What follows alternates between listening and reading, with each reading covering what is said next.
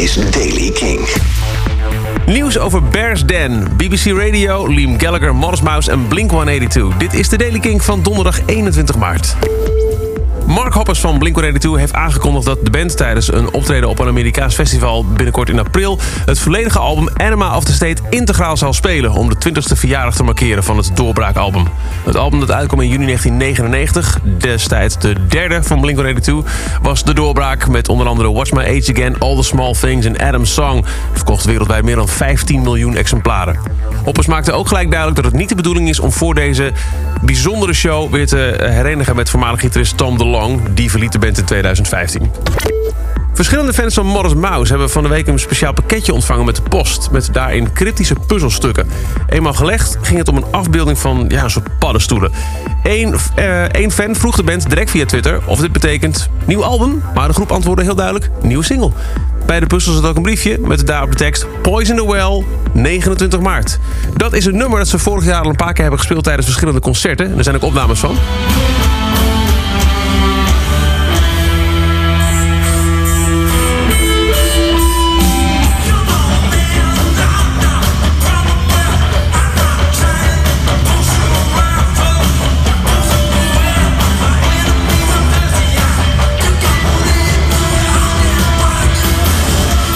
29 maart komt er dus in iets betere kwaliteit dan deze live-opname uit Poison the Well. Nieuw werk van Modest Mouse.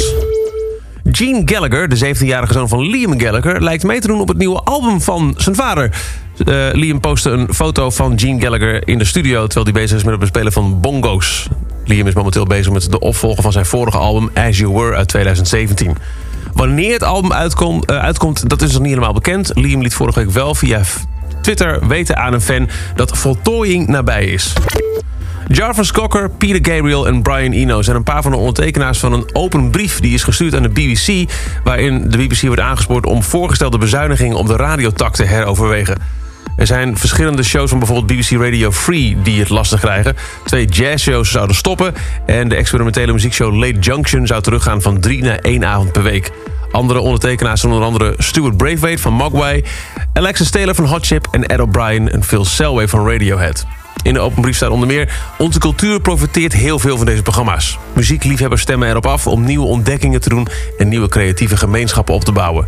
Muziekmakers vertrouwen op deze shows als levenslijnen... om hun muziek te ondersteunen en te delen met een enthousiast publiek... nationaal en internationaal. We dringen er bij Radio Free aan, op aan om opnieuw na te denken... over de veranderingen die ze aanbrengen... en hoe ze onze bredere cultuur grondig zullen beïnvloeden. De BBC moet nog reageren op de open brief. Op 26 april komt het nieuwe album uit van Bears Den. Maar als luisteraar van Kink kun je het al een maand eerder horen... tijdens een speciale luistersessie. Vrijdag 29 maart vindt die plaats, in de ochtend. Je luistert eerst een maand voordat de rest van de wereld het nieuwe album van Bears Den hoort... integraal naar het nieuwe album. En na afloop is de band er zelf bij om al je vragen te beantwoorden.